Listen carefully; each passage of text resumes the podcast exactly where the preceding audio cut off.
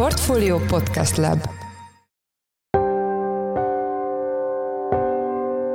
Mindenkit üdvözlünk, ez a Portfolio Checklist november 29-én kedden. A mai adás első részében az árstopok által okozott áruhiányjal és az intézkedések fogyasztásra gyakorolt hatásaival foglalkozunk az egyre durvuló üzemanyag hiány kapcsán minden ilyen ársapka vagy árszabályozás hatósági ár mesterségesen alacsonyan tartott ár, ugye mert 480 forint egy, egy liter üzemanyag szemben a 600-700 forintos piaci ára egy közgazdasági logikus, racionális folyamatokhoz vezet, ami végsősoron a hiányban, hiánygazdaságban csapódik le, az alacsony ár ugye túlfogyasztásra ösztönöz, a témával kapcsolatban Csiki Gergely, a portfólió lapigazgatója volt a vendégünk. Az adás második részében a Mastercard Doppio programjáról lesz szó, ezután pedig a Moholy Nagy Művészeti Egyetem kutatásáról, ami a design szerepét vizsgálja egy vállalkozás életében. Én Pitner Gábor vagyok a Portfolio Podcast Lab szerkesztője, ez pedig a checklist november 29-én.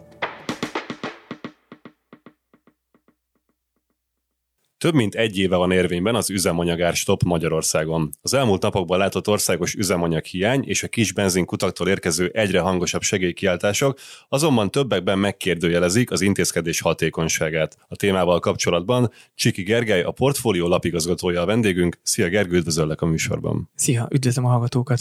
Milyen folyamatokat indított be a benzinár sapka, ami a most látott hiányokhoz vezetett? Talán érdemes onnan kezdeni minden ilyen ársapka vagy árszabályozás hatósági ár mesterségesen alacsonyan tartott ár, ugye mert 480 forint egy, egy liter üzemanyag szemben a 600-700 forintos piaci ára egy közgazdasági logikus, racionális folyamatokhoz vezet, ami végsősoron a hiányban, hiánygazdaságban csapódik le. Az alacsony ár ugye túlfogyasztásra ösztönöz, nem, nem vagyunk, az emberek és a fogyasztók nincsenek arra ösztönözve, hogy visszafogják a fogyasztásukat, mert ugyanannyit fizetnek, mint mondjuk egy évvel ezelőtt ugyanazért a termékért, ez nem, nem drága, ugyanúgy megengedhetik maguknak, másrészt viszont a kínálatot szűkítheti, ugye nem éri meg nem piaci áron értékesíteni ezeket a, ezeket, ezeket a termékeket. Például ez, ez egy legnagyobb oka annak, hogy hiány van, hogy nincsen megfelelő mennyiségű import, tehát kiesett az import, mert a külföldi szereplők, jellemzően az, ugye az osztrák vagy a lengyel szereplők, nekem nem éri meg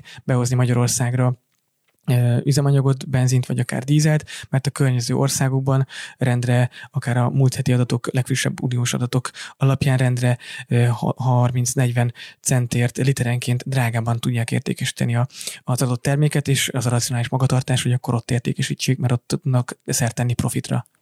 Ez pontosan az üzemanyag forgalomra vetítve, mondjuk az elmúlt egy évben, hogy alakult az energiaválság közepette, mennyire fogtuk vissza magunkat lakossági szinten a vásárlásban? Igen, ez egy nagyon fontos üzenet talán így a, a, az olvasóknak, hallgatóknak is, hogy a legfrissebb adatok alapján egy 20%-kal magasabb volt éves összevetésben az üzemanyag fogyasztás, tehát jól látható, hogy pont egy energiaválság időszakban, hogy amikor azt gondolnánk, hogy az energiaárak elszállása miatt mi is takarékosabbak vagyunk, vagy a fogyasztók is jobban megfigyel, meg, megnézik, hogy mire, mire költenek, úgy, úgy fogyasztottuk az üzemanyagot, mint hogyha nem lenne holnap. Szokatlan módon ugye bővült is az üzemanyag kereskedelme, ez, ez kivételes a, a teljes kiskereskedelmi forgalom, forgalomban, ami nem véletlen, ahogy említettem, az, az alacsony, mesterségesen alacsonyan tartott ár túlfogyasztásra ösztönöz. Ugye a hatósági árnak az egyik következménye, hogy ügyeskedésre ösztönöz, próbálják az emberek kiátszani a rendszert, egyszerűen akkor a különbség a piaci ár és a hatósági ár között, ugye 200-220 forintra beszélünk, 50%-os áremelkedésről beszélünk, hogy a, akár a lakossági fogyasztók megpróbálják tovább értékesíteni, vagy bármilyen módon tovább játszani a nem lakossági fogyasztók felé ezt a, ezt a 480-as üzemanyagárat még úgy, hogy mindenki jól járjon, olcsóban kapja meg a, a, akár a céges vevő, de még valami a, a lakossági fogyasztónak is, a, vagy a fel, felhalmozónak is e, jusson. Ez, ahogy említettem, minden ilyen hatóságjár vagy piaci beavatkozás a csalásoknak, vagy az ilyen, ilyen rendszerkiátszásoknak a, a melegágya. Hogy látod, milyen módokon tud visszaütni a szabályozott benzinár a lakosságra? Akár, hogyha egy konkrét példát tudnál mondani erre, akkor talán úgy szemléletes lenne.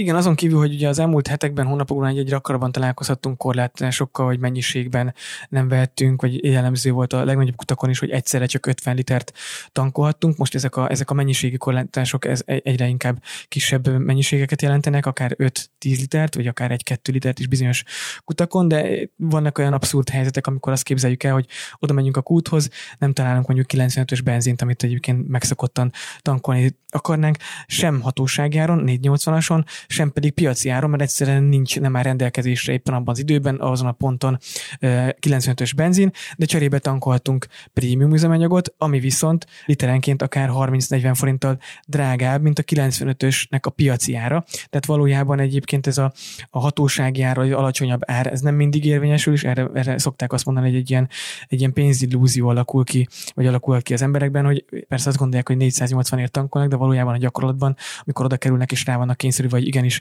valamit bele kell rakni az autóba, tovább akarunk gurulni, akkor kénytelenek a, a drágább prémium üzemanyagot tankolni. Persze a, az egyik következménye mostani piaci folyamatoknak, hogy előbb-utóbb, ha így marad a, a helyzet, és hiány marad 95-ös benzinből, akkor jobban fog fogyni a prémium üzemanyag, ne adj Isten, bizonyos helyeken, bizonyos időközönként ebből is hiány alakulhat ki, mert a fogaskerék egy egyszerűen piaci folyamatok ezt diktálják, hogy így, így tovább megy és lépcsőnként akasztják el ezeket a piaci folyamatokat azok a folyamatok, amiket most látunk az üzemanyag esetében, begyűrűzhetnek majd az élelmiszerek oldaláról is szerinted? Sőt, részben már be is gyűrűztek. Nyilván a májusi, tavaszi, nyári hónapokban láthattuk azt, hogy bizonyos kiskereskedelmi egységek, főleg a diszkontláncok korlátozták a, az ásapkás vagy ástoppolt termékeknek a, a vásárolható mennyiségét, de bizonyos esetekben, most éppen a cukor esetében lehet azt hallani, hogy abból is országos szinten gyakorlatilag teljes hiány van, vagy amikor a tojás ástoppot bejelentették, akkor is a, a tojást úgymond felvásárolták, és mert nem tudták, hogy az emberek, hogy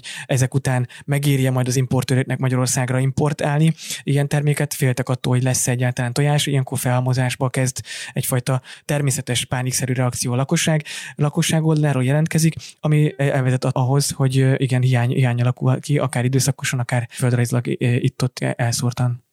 Van-e tudomásod arról, hogy a kormány kivezetné, vagy átalakítaná a, a benzinástopot? Milyen forgatókönyvek vannak erre?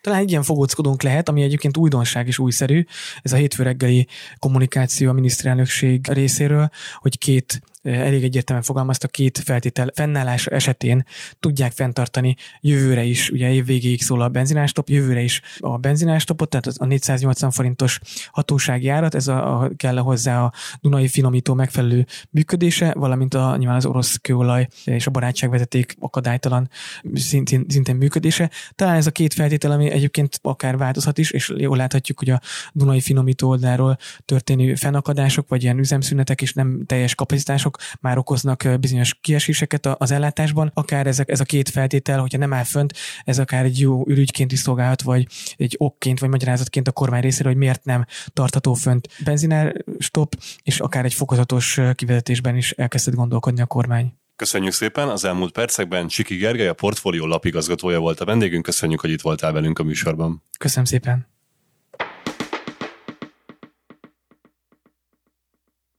A következő műsorszám támogatója a Mastercard, az interjút Forrás Dávid, a Portfolio Podcast Lab munkatársa készítette.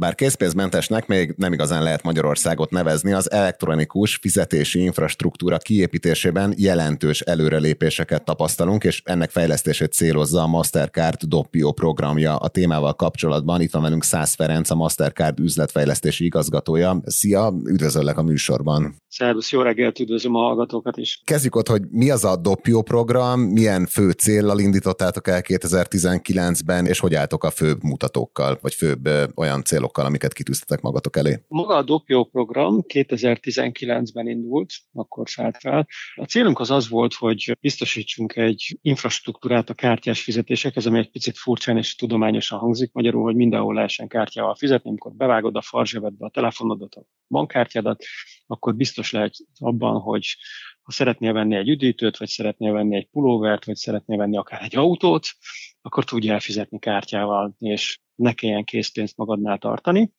És amikor mi elindítottuk a programot, akkor úgy gondoltuk, hogy elegendő kártya van már a piacon, hiszen több mint 9 millió kártyával számolhatunk a magyar piacon, tehát kártyával jól állunk, használatban viszonylag jól állunk, viszont az infrastruktúra volt picit lemaradva, főleg, hogyha az európai országokat néztük, és ahhoz hasonlítottuk magunkat, akkor, akkor lemaradásban voltunk, és ezt szerettük volna pótolni, és tűztük ki magunk elé a célt, hogy három év alatt duplázzuk meg a terminálok számát, ami egy nagyon ambiciózus terv volt akkor.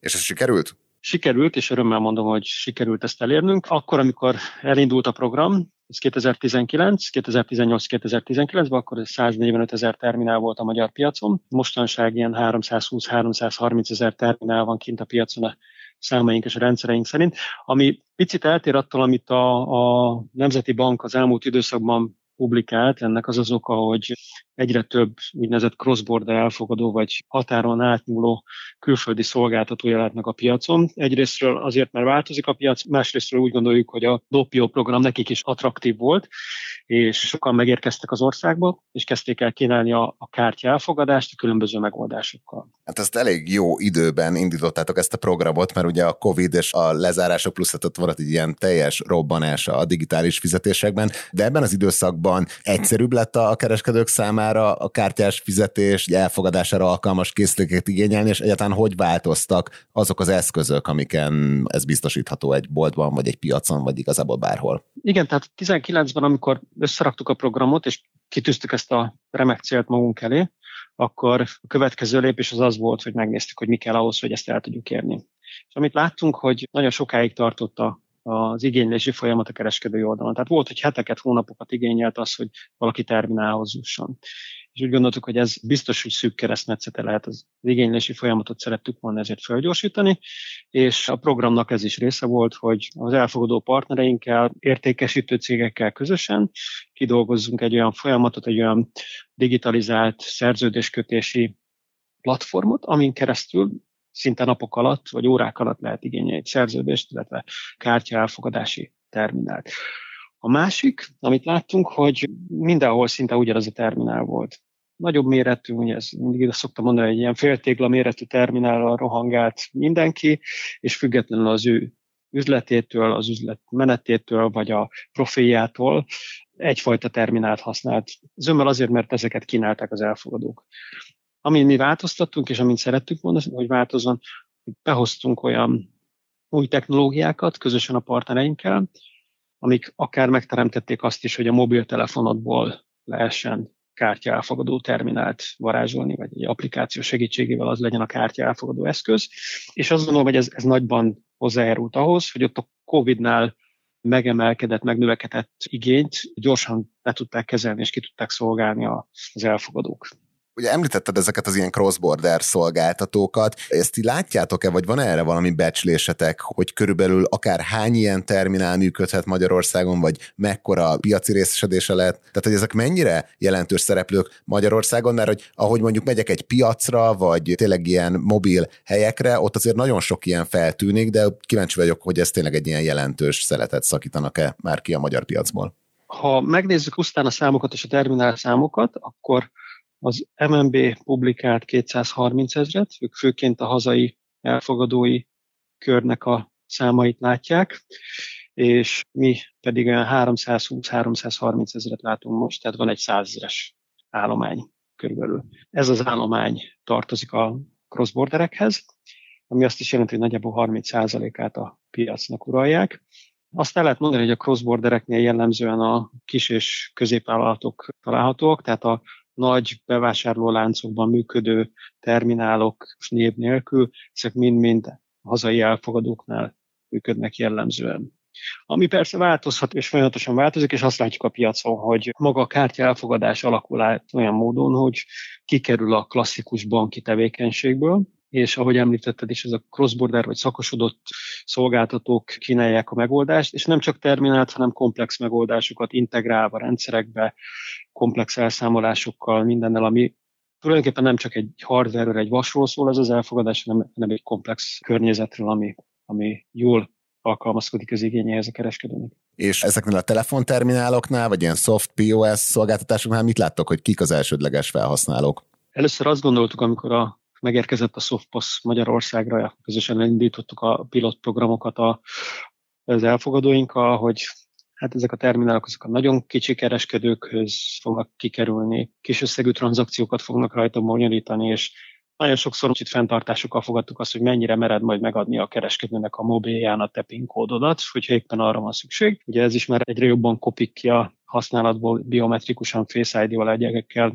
hitelesítjük magunkat. De visszatérve erre azt gondolod, hogy ez a három jellemző lesz, mindegyiket megcáfolta a piac. Azt gondolom, hogy hogy nem csak kis, hanem középvállalatokhoz is kikerült ez a telefonterminál megoldás. Rengeteg futárnál például látunk telefonterminál megoldásokat, és ami nagyon érdekes, hogy magában a kasszarendszerekben, amikor egy Android alapú kassa működik az étteremben vagy bárhol, akkor simán rá lehet költözni magával a Teponphone itt PIN, vagy most ahogy mondtad te is, Softpost, vagy telefonterminál, mi egy telefonterminál nevet adtunk, hogy legyen valami magyar neve ennek a gyereknek, de a lényeg az, hogy ez rá lehet költözni, hiszen csak egy applikációról beszélünk, ha van egy NFC olvasó, onnantól fogva lehet használni. Láttunk már millió fölötti tranzakciókat is, minden további nélkül, és nagyon szépen megadjuk a PIN kódot, vagy használjuk ugye a, a mobilunkat a fizetéskor, ahol nem, nem adunk meg PIN kódot, és tényleg egyre több helyen, egyre mm, nagyobb számba látunk kint eszközöket. Térjünk vissza egy kicsit a Dopio programra, ugye most már szinte idei évnek a nagy fel, vagy idei évben nagy felfutást láttunk a különböző ESG meg fenntartatósági programoknál. Itt van-e ilyen vetülete ennek a programnak, vagy ez, ez hogy illeszkedik a Mastercard ilyen típusú céljaihoz? Mastercard oldalról mindenképpen a, a fenntartatóság és az zöldítés ez cél és rengeteg fát ültetünk ugye az elmúlt időszakban, ezt tapasztalhatod, vagy találkozhattak a hallgatók is, hogy ez nekünk fontos téma behoztuk a zöld kezdeményezést a programba is. Egy nagyon egyszerű megközelítésünk volt.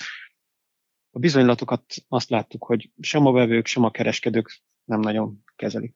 Meg, megtörténik a fizetés, zömmel már mindenki kap egy üzenetet, vagy a mobilbanki applikációjában látja a vásárlásról azonnal real-time a tranzakciós adatait. Igazából nem is igényli már a, a slipet, amit a terminál nyomtatott, Ugyanez igaz a kereskedői oldalon, hogy sokkal jobb lenne, hogyha ez digitalizált lenne, hiszen az egy hőpapír, eltűnik, kirakod az ablakba, a melegbe, el is tűnik a felirat róla, és ezért indítottunk egy olyan kezdeményezést a programon belül, hogy zöldítsünk.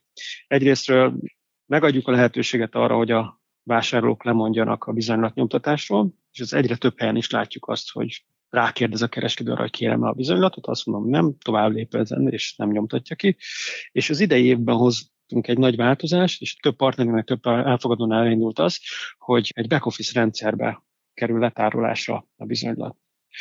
Ugye a, a softpost, vagy a telefonterminál, amit említettél, már eleve egy printer nélküli megoldás, tehát innen jött amúgy az ötlet, és innen indult az egész, hogy hát e-mailben küldjük, SMS-ben küldi a kereskedő a bizonylatot, miért nem mozdítsuk el ebbe az irányba a klasszikus terminálokat is. Igazából egy ilyen záró kérdésem van, hogy mi a program jövőképe, hogyha tulajdonképpen a fő célt azt már elértétek?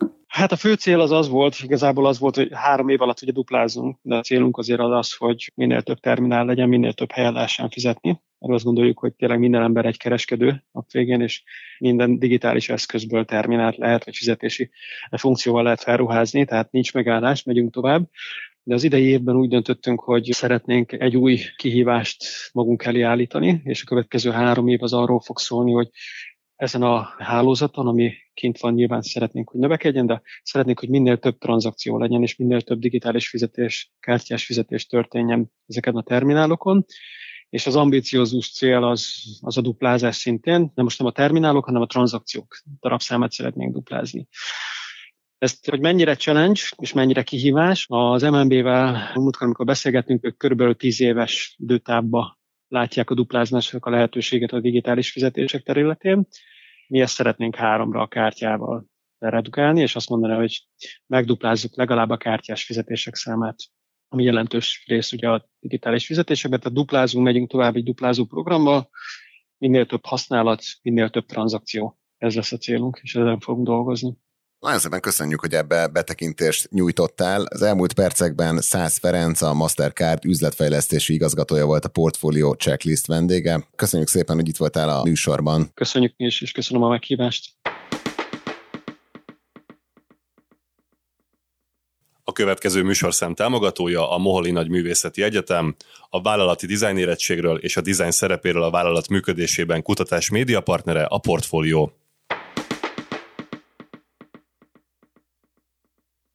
Ritkán gondolunk arra, hogy a dizájnnak milyen fontos szerepe van a mindennapjainkban, de milyen szerepet tölt vagy tölthet be egy cég életében, és hogyan járulhat hozzá az üzleti sikerekhez.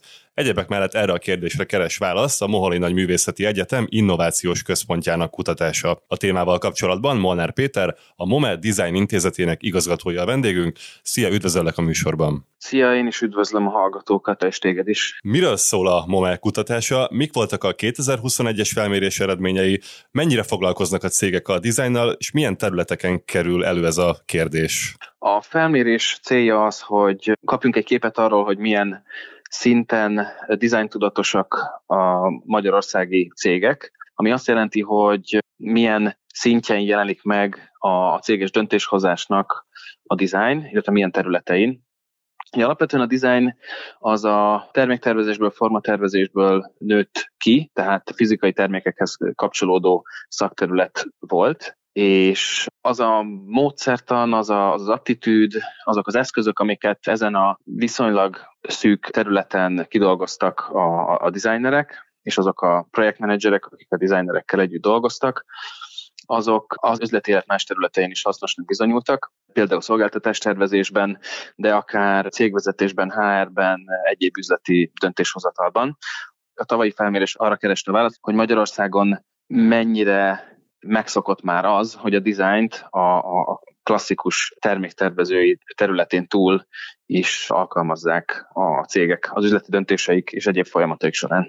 És mi lett a felmérés eredménye 2021-ben? Mennyire van jelen a cégek életében a, a design és ennek a tervezése? Alapvetően a vállalkozásainkat felülmúró mértékben mutatott ki a felmérés design jelenléte, design tudatosságot a, a cégek döntéshozói szintjein.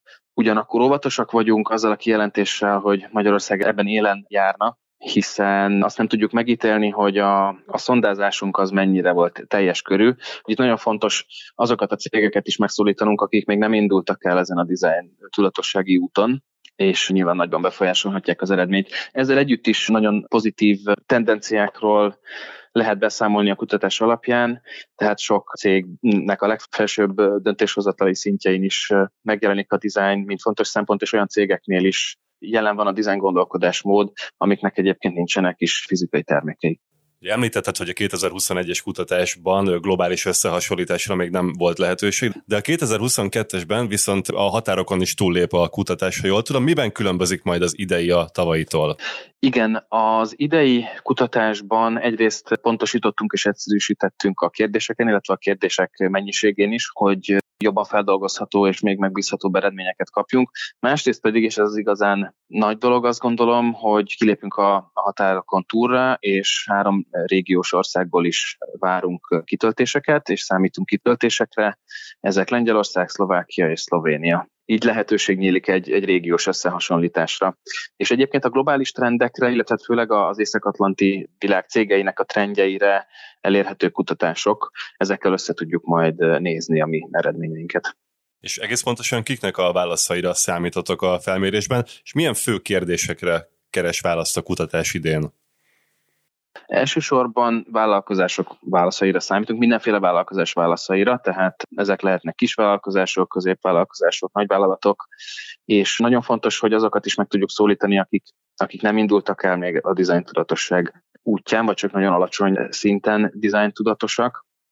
Ez azt jelenti, hogyha mondjuk egy cégnél már van terméktervezés, és abba bevonnak egy formatervezőt, az már egy szintje a design tudatosságnak, hogyha ezt kiterjesztik arra, hogy az üzleti döntésekben, mondjuk a termékhez kapcsolódó üzleti döntéshozatalban a design módszerei, eszközei, képviselői teret kapjanak, az, az egy következő szint, és van egy olyan szint, ahol a cégnek a fő szervező eleme az, hogy bevonják a, a felhasználókat, az emberi szempontokat, a fenntarthatósági szempontokat, és mindezt a design eszköztárával, a design módszereivel tegyék. Ez mondjuk a legmagasabb szint. Úgyhogy ami a kérdéseket összeállítottunk, az tulajdonképpen erre vonatkozik, hogy a, a cég életében milyen területeken van jelen a design, ha jelen van, és azt is próbáljuk felmérni, hogy ennek milyen okai vannak, és milyen következményei mikor kerül publikálásra a kutatás eredménye, és mit tanulhatnak majd ebből maguk a cégek?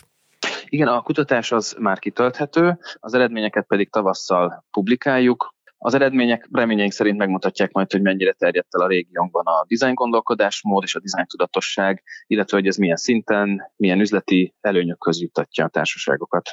Köszönjük szépen, az elmúlt percekben Molnár Péter, a Moment Design Intézetének igazgatója volt a vendégünk. Köszönjük, hogy itt voltál velünk a műsorban. Köszönöm szépen, hogy meghallgattatok. Minden jót!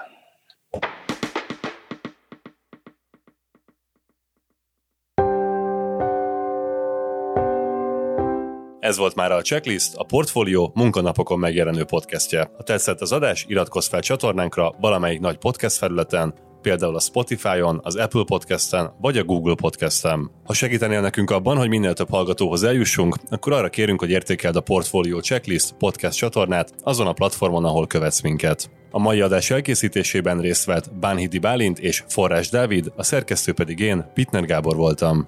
Új adással holnap, azaz szerdán 5 órakor jelentkezünk. Addig is szép napot, sziasztok!